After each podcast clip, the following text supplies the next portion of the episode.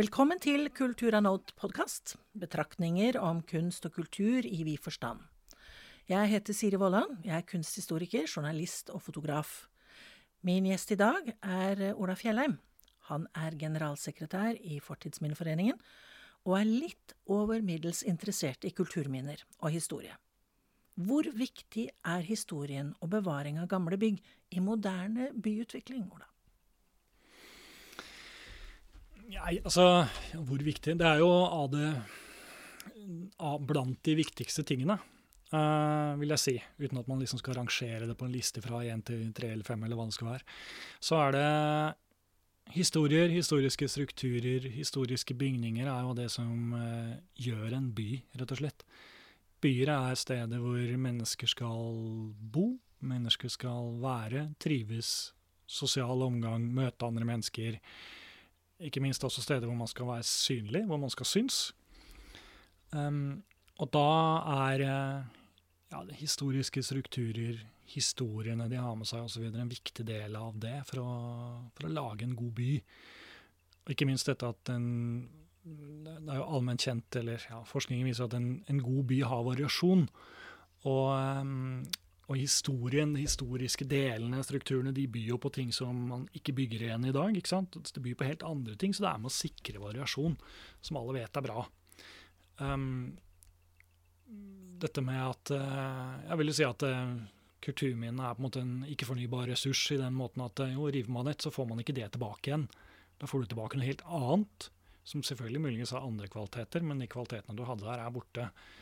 Uh, setter man i stand, tar det i bruk, ja, så kan det fortsatt bidra med, de, med, med på en måte noe annet inn i en, uh, også inn i en moderne by. Fortell om din favorittby. Altså um, Det er jo uh, kanskje litt klisjémessig, men jeg er jo veldig, veldig svak for Siena i Italia, som har veldig mange av de kvalitetene som jeg liker å se når jeg reiser til en by. Uh, den, er, uh, den, er, utforutsigbar, den er interessant, den har en skala. Og, og uh, altså gater, hele oppbyggingen på den er sånn at man, man liker å være der. Man liker å, det gir opplevelser hele tida. En god følelse. Jeg blir slett avslappa av det. Selv om det kan være sinnssykt mye turister inni henne, så er det en veldig avslappa, fin by å være i. Og den har jo verdens mest geniale byrom, med, med Campoen, som er eh, stor, flott plass, med plass til veldig mye mennesker, plass til store arrangementer, men samtidig så kan det være veldig få mennesker der. Likevel så føles det ikke nakent og goldt. Går du i Paris, så kan du liksom føle at det er liksom altfor svært og uendelig, og, og, liksom Du kommer aldri i mål på et vis. Mens eh, Campoen og Siena er liksom Der kan du, kan du være alene, og likevel så kjenner du at jo, du har byen rundt deg. Så Siena er nok en favorittby. Samtidig så er jeg veldig glad i byer som har forskjellige lag ved seg, og gjerne litt sånn rufsete, litt friksjon. Glasgow er en sånn by, med både fantastisk moderne bebyggelse, men altså industriområder som er på vei nå til å brukes på andre måter. Kulturarenaer. Um, en bydel med, med handelsgårder i fire-fem etasjer som har bygd i helt fantastisk flott stil. ikke sant? Og elva og alt dette her som, uh, som gir en, en, variasjon, da. På samme måte som Bilbao har det. Og Bilbao er også en fantastisk by. Ikke i utgangspunktet mest pga. Guggenheim, men pga. alt det andre som skjer. Hvor du også har en intakt historisk bydel hvor du kan gå deg bort i trange smug og så kan du gå liksom et par kvartaler lenger bort, så har du høyhus, du har åpne, store rom, du har elva der med lekeplasser og aktivitetssteder hvor folk kan møtes liksom for hver 10.-20. meter. Uh, ja, byer som har et breit spenn. Og disse byene hadde ikke vært det samme uten de historiske lagene som ligger der bakover møter. Du bor på landet. Mm. Dette er jo idyllisk en halv time utenfor Oslo. Uh, og du kjemper mange saker på vegne av Fortidsminneforeningen. Eh, Fortidsminneforeningen eier også mange bygg. Eh, men når det gjelder moderne byutvikling, så bor du ikke så langt unna Jessheim, og ikke så langt unna Oslo.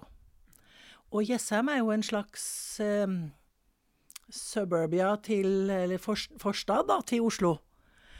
Hvordan ser du byutviklingen på Jessheim? Um, altså, Jessheim er jo en Jessheim er en gullgraveby på mange måter, og har vært siden uh, flyplassen kom. Og, og flyplassvedtaket, 98 var det vel, gjorde jo at det skjedde noe med Ullensaker som på en måte var helt nytt, og som ga en enorm vekst. Og det har jo vært av de største vekstområdene i Europa gjennom mange, mange år.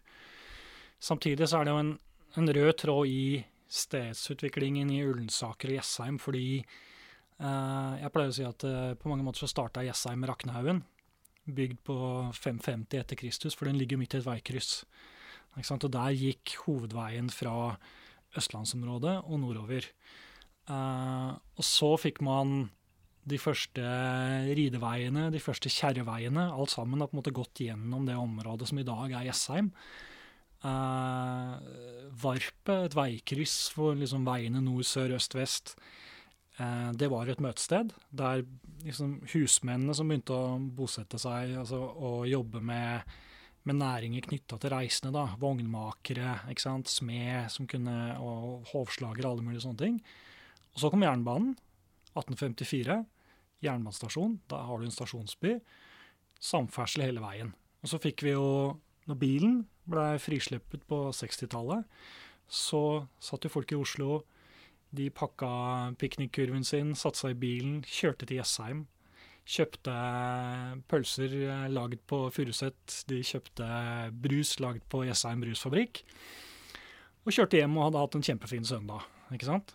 Eh, og så hadde vi en liten sånn periode hvor motorveien gikk på utsiden. Eh, jeg pleier å sammenligne med Radiator Springs fra filmen 'Biler', hvor det plutselig er dødt, men så kommer flyplassen. Så den røde tråden er jo samferdselsutviklingen. Um, det, når det starta på Jessheim, så gikk det jo eh, veldig fort for seg. Veldig veldig sterke krefter. Og det tok ganske lang tid før kommunen skjønte hvordan de skulle temme kreftene på flyplassen.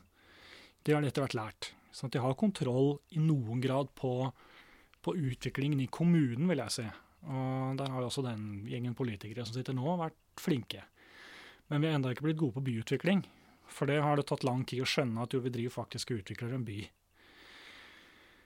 Det var veldig dyktige ansatte, det er det fortsatt, dyktige ansatte i Ullensaker kommune, men de som var på, på slutten av 90-tallet og litt ut på 2000-tallet, var veldig framsynte og lagde da veldig gode byplaner som sikta langt fram. Altså dette trenger vi for å få en god by. Den har ikke politikerne klart å følge nesten i noen grad i det hele tatt. Og det har vært en rød tråd at eh, politiske regimer har aldri klart å følge eh, planene som er lagt for byen og har vært veldig lite flinke til å høre på fagfolk, som har gitt uh, et ganske uh,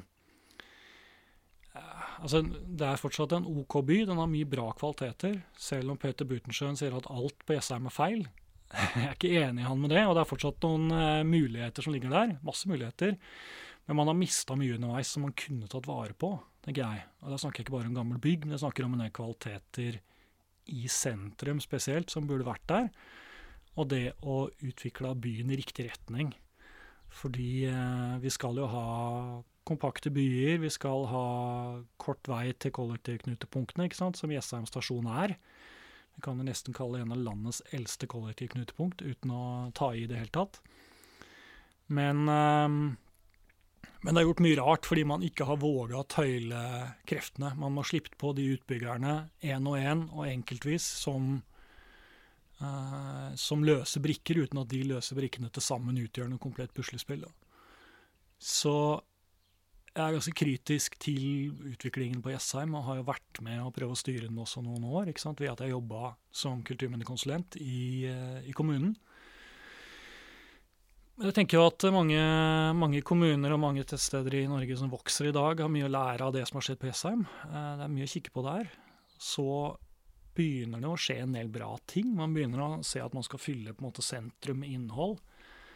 Men det er også framover å, å, passe på nå at vi ikke tetter igjen det som på en måte er det innerste sentrum, skal være i innerste sentrum av byen. At vi lar det være litt luftig og åpent foreløpig. Sånn som Oslo har sin Spikersuppe og sitt Karl Johan, ikke sant? og Slottsparken. Altså må vi ha luft også i Jessheim sentrum.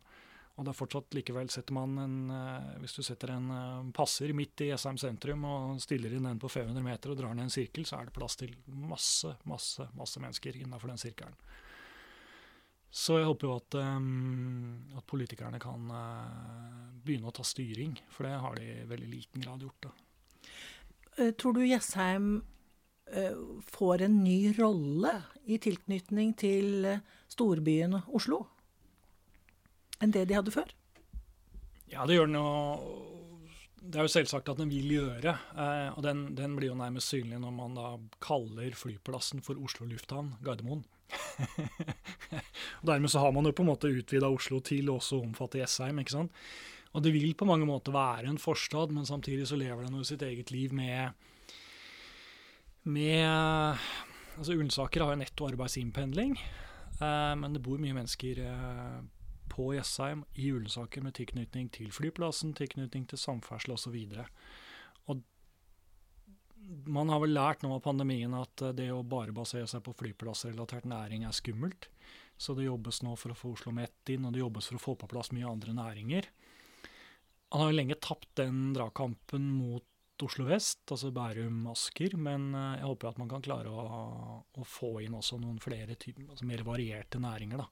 Og uansett så vil nok så vil nok Jessheim være en, eh, en, by som også står på egne bein, med egne, egne kvaliteter. Men de trenger jo selvfølgelig mer, eh, mer eh, arbeidsplasser med folk med hva skal jeg, si, jeg skal ikke si høy kompetanse, men, men med lengre utdanning og altså bredere spekter av arbeidsplasser, rett og slett. I Norge, altså Fortidsminneforeningen kjemper jo saker over hele landet.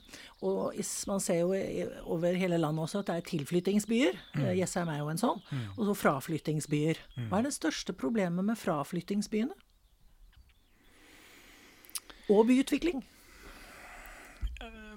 Kanskje kjapt ta, Det er jo noe med tilflyttingsbyen også da, som er interessant. Fordi eh, det er jo ingenting som vokser inn i himmelen. så ingen, eh, Hvis man kikker bakover i historien, så, så, flytter jo folk til, og så flytter de gjerne fra igjen. Og noen steder blir vinnere på lang sikt. Og jeg tror det å ha det beholder identitet, å ha en attraktivitet, eh, altså et breit kulturtilbud, Eh, varierte inntrykk, forskjellige Ta vare på gamle hus, det er også en viktig bit av det. Det er, er, viktig for at det skal være et tettsted eller en by som folk vil bo i over lang tid. Ikke sant? Eh, mens det er klart, mange av fraflyttingsbyene, fraflyttingsstedene, så handler det jo Altså, det handler jo om en trend som går over hele Europa, egentlig hele verden. At folk flytter til byene. Eh, det kommer man ikke utenom. Eh, men det handler jo også om um, hvordan lokke folk tilbake igjen. ikke sant? For det er veldig mange som altså, de reiser til Oslo, Trondheim, Bergen, Stavanger for å ta en utdannelse, og så kommer de aldri tilbake. Og man må jo prøve å, etablere en, være attraktive for de som gjerne som vurderer å komme tilbake. Og ikke bare at de kommer tilbake, men kanskje at de har med seg en person til. ikke sant? Eh, tar med seg kjæresten og flytter hjem. Um, men det er jo arbeidsplasser er ekstremt viktig. Det er klart Folk må ha en jobb. Um, koronaperioden har vel lært oss at vi kan jobbe hjemmefra. Eller jobbe ikke hjemmefra, men jobbe, jo, jobbe hjemmefra. Jobbe utenom et kontor. og det vil føre til mer mobilitet. Kanskje ikke så mye som man snakker om akkurat nå, men det vil føre til at flere kan jobbe fra andre steder. Så det å kunne jobbe fra mindre steder rundt omkring i Norge, det tror jeg er, eh, vil være attraktivt. Og vi ser jo noen som klarer det. Vi har jo um, har jo eh, eid altså i Stad kommune, som jo er blitt en tilflyttingskommune fordi man har klart å etablere et godt arbeidsmarked, et godt kulturtilbud, og markedsfører seg som en attraktiv kommune. Og dette kan flere tettsteder også få til. Og da tror jeg jo at eh, de som har klart å beholde et særpreg, også vil være mer attraktive enn eh, mange av de tilflyttingsstedene som nå begynner å bli ganske like. da. For når folk sier at jo, dette begynner vi å bli lei, så, så, er nok det selvfølgelig et uttrykk for at eh, man vil ha noe vakkert, det er så, men på sikt så vil også det gjøre noe med oss. Og at man gjerne vil søke til steder som har beholdt noe av et slags særpreg. da. Alle disse gamle historiene og gamle byggene i for seg, de representerer jo en historie, og det skaper jo identitet. Mm. Hvem som har bodd her og skapt sine verk her og, og, vært aktiv på et sted, skaper jo den historien og identiteten. Eh, hvordan er det med ungdommer? De er de i så stor grad opptatt av kulturminnevern?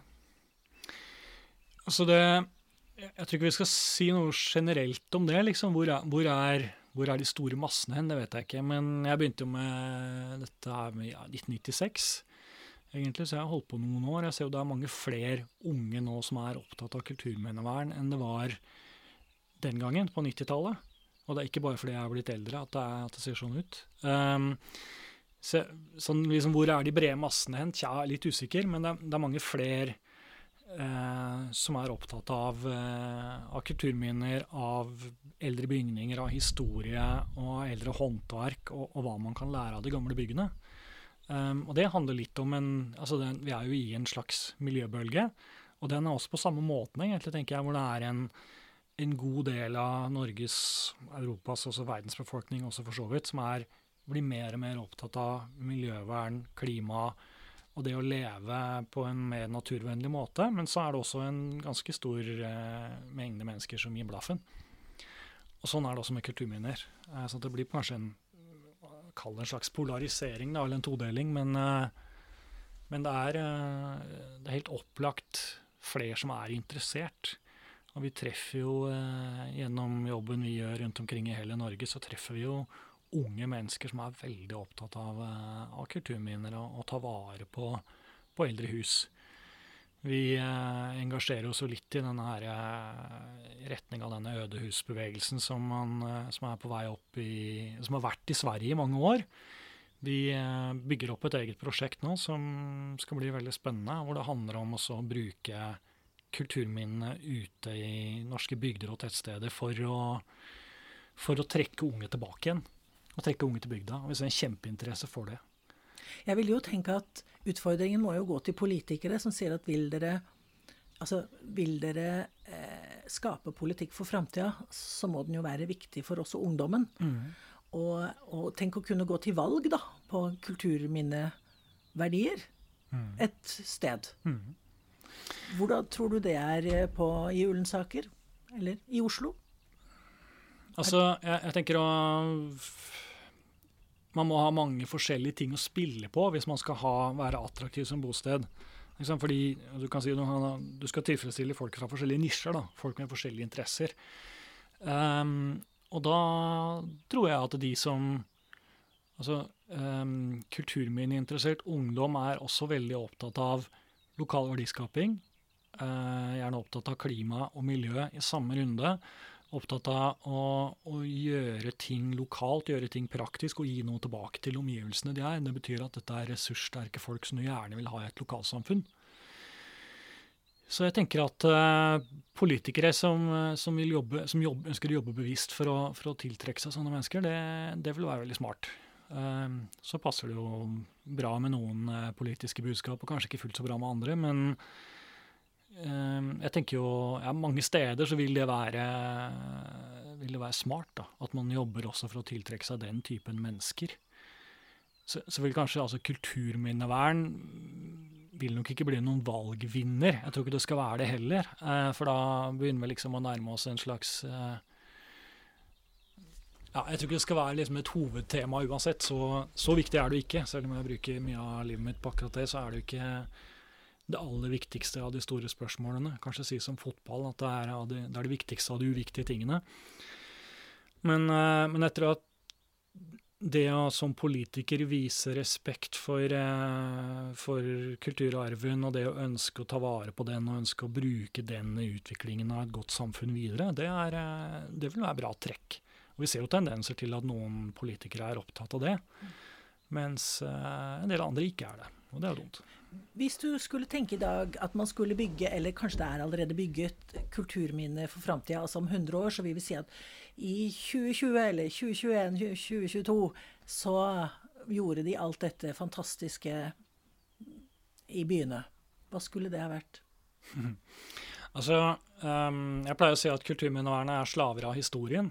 Uh, fordi det er jo hele tida en diskusjon om hva kulturminnevern skal være. Jeg er opptatt av at kulturminnevern handler om liksom I bånn og grunn så er det historisk materiale som er råstoffet vårt. Det er det som er kjernen i kulturminnevernet. Det skal ikke bare handle om det. om liksom, riktige lister og riktige vinduer og alt det der. Men, men samtidig så er det råmaterialet som er det viktige. Og det betyr jo at, eh, at de viktigste sporene etter vår tid vil være morgendagens kulturminner. Og det er klart at eh, vi har eh, stor tilflytting til byene. del av de tingene som da bygges, vil jo være kulturminner også framover. Uh, og ting å ta vare på. Og det er jo også gjerne sånn at vi definerer jo gjerne som kulturminne selv om det ikke er så veldig fantastisk.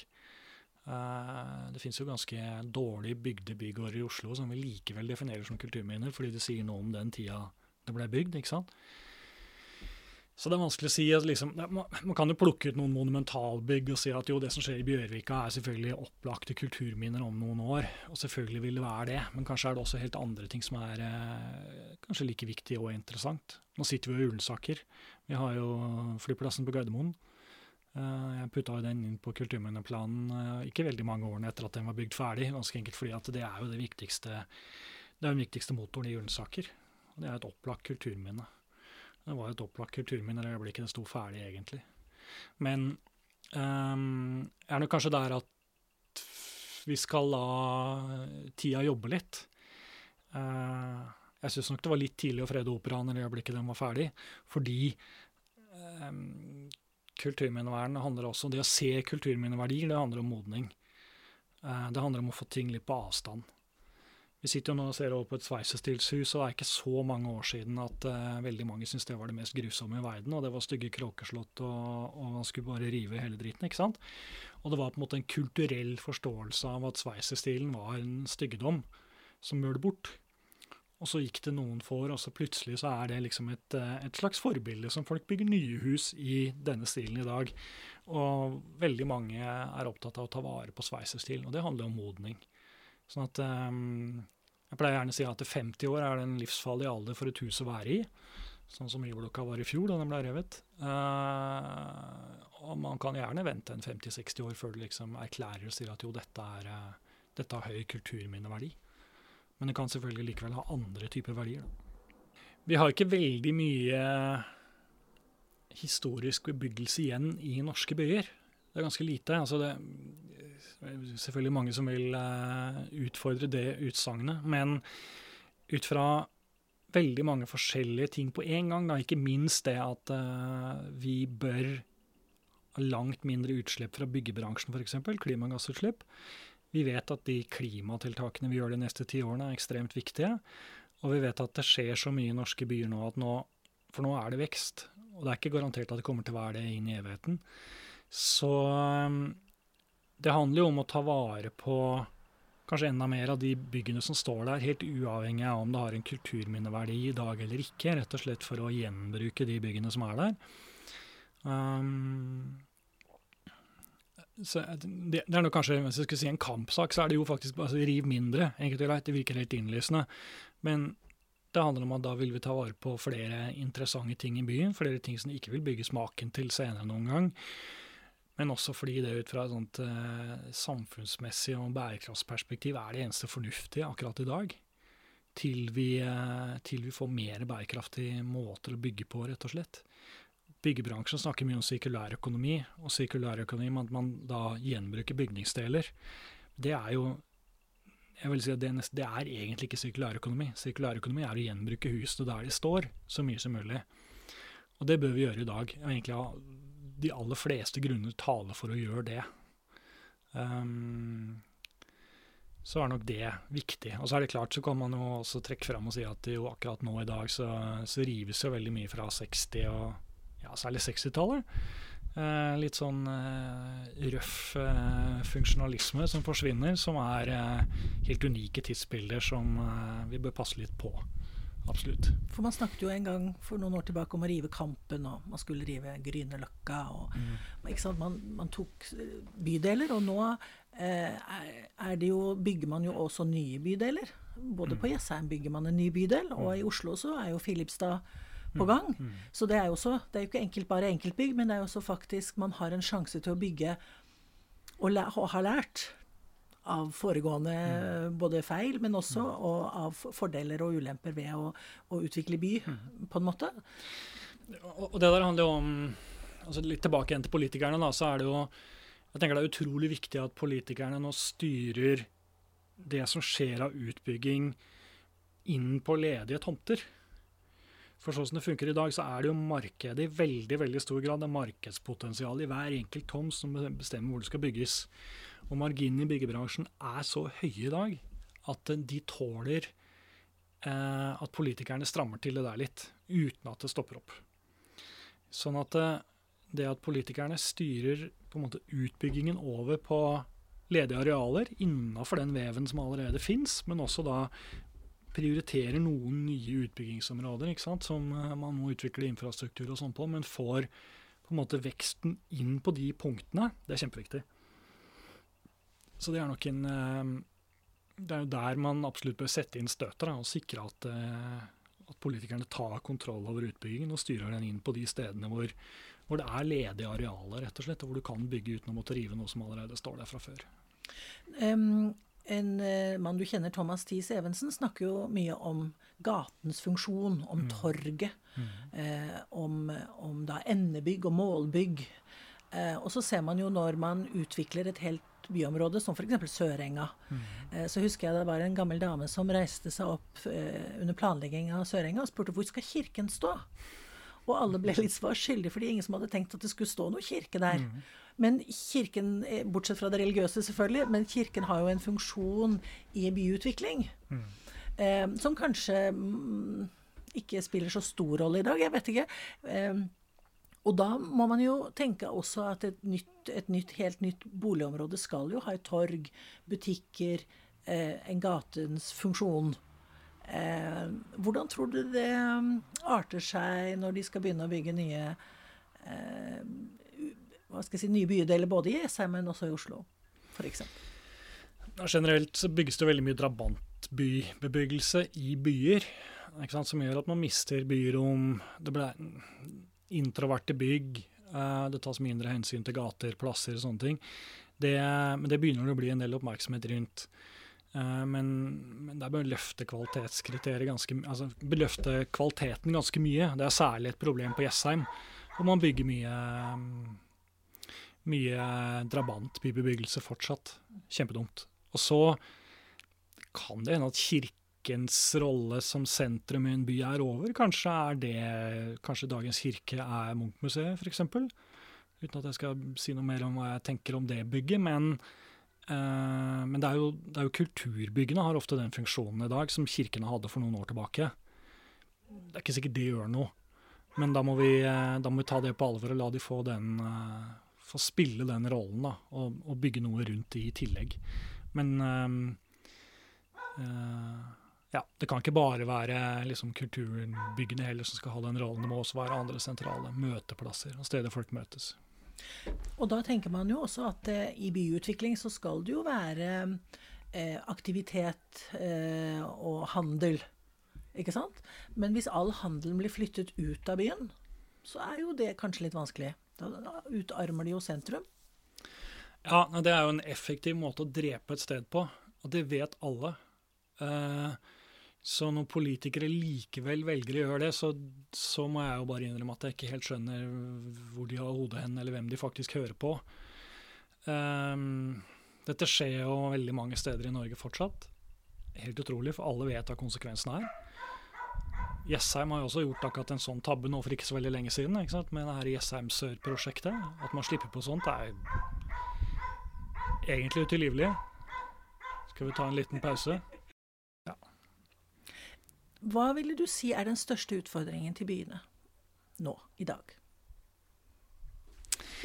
Altså, Den største utfordringen til byene er bærekraft på sikt. Um, jeg, skal, jeg, er veldig glad i sånn, altså bylandbruk og en del sånne ting, men jeg tror at man ofte når man driver bypolitikk, glemmer å ta fullt inn over seg hvor avhengig man er av et omland. Da. Eh, du må frakte ganske store mengder ressurser inn til en by. Du er avhengig av drikkevarer, som jo, drikke, drikkevann, mener jeg, som jo ser eh, Det er problematikk i Oslo nå. Du må frakte inn veldig store mengder matvarer. Eh, du blir veldig avhengig av at du har et apparat på utsiden som funker. Um, så sånn sett er byer ganske sårbare, faktisk. Uh, og det at man har hatt byer som har vært veldig sånn altså modernistisk oppdelt, det er vi heldigvis litt på vei bort fra. Uh, ved at man er opptatt nå av å ha på en måte flere kvaliteter i, innenfor hver enkelt bydel. Um, ja, det er viktig framover at man, man, klarer å ha bærekraftige byer. Og det betyr ikke bare grønne tak. Det betyr ganske mye annet også. At man måtte etablere strukturer som, som tar på alvor at det er et omland man, uh, man uh, er avhengig av. Og så er det jo um, det vi står oppe i nå, hvor uh, vi vet at vi må, vi må bruke mindre ressurser og mindre klimagassutslipp. Og da er det viktig at byene tar vare på og gjenbruker de bygningene som allerede står der. At man ja, konsentrerer bygging til områder hvor det ikke nødvendigvis står et bygg fra før. Ikke sant? Når man gjenbruker de byggene som er der. Fordi eh, historie og historiske områder er en knapphetsressurs, og, eh, og, vi må ta i bruk mest mulig av det som allerede finnes her på allerede som vi allerede har bygd. Er du optimist? For byene sin del, tenker du? jeg jeg syns det er interessant. Jeg tror det er veldig viktig å Det er veldig mange som liksom vil diskutere eh, Veldig mange som liksom løfter fram kvalitetene til byene og sier at alle skal bo i byer.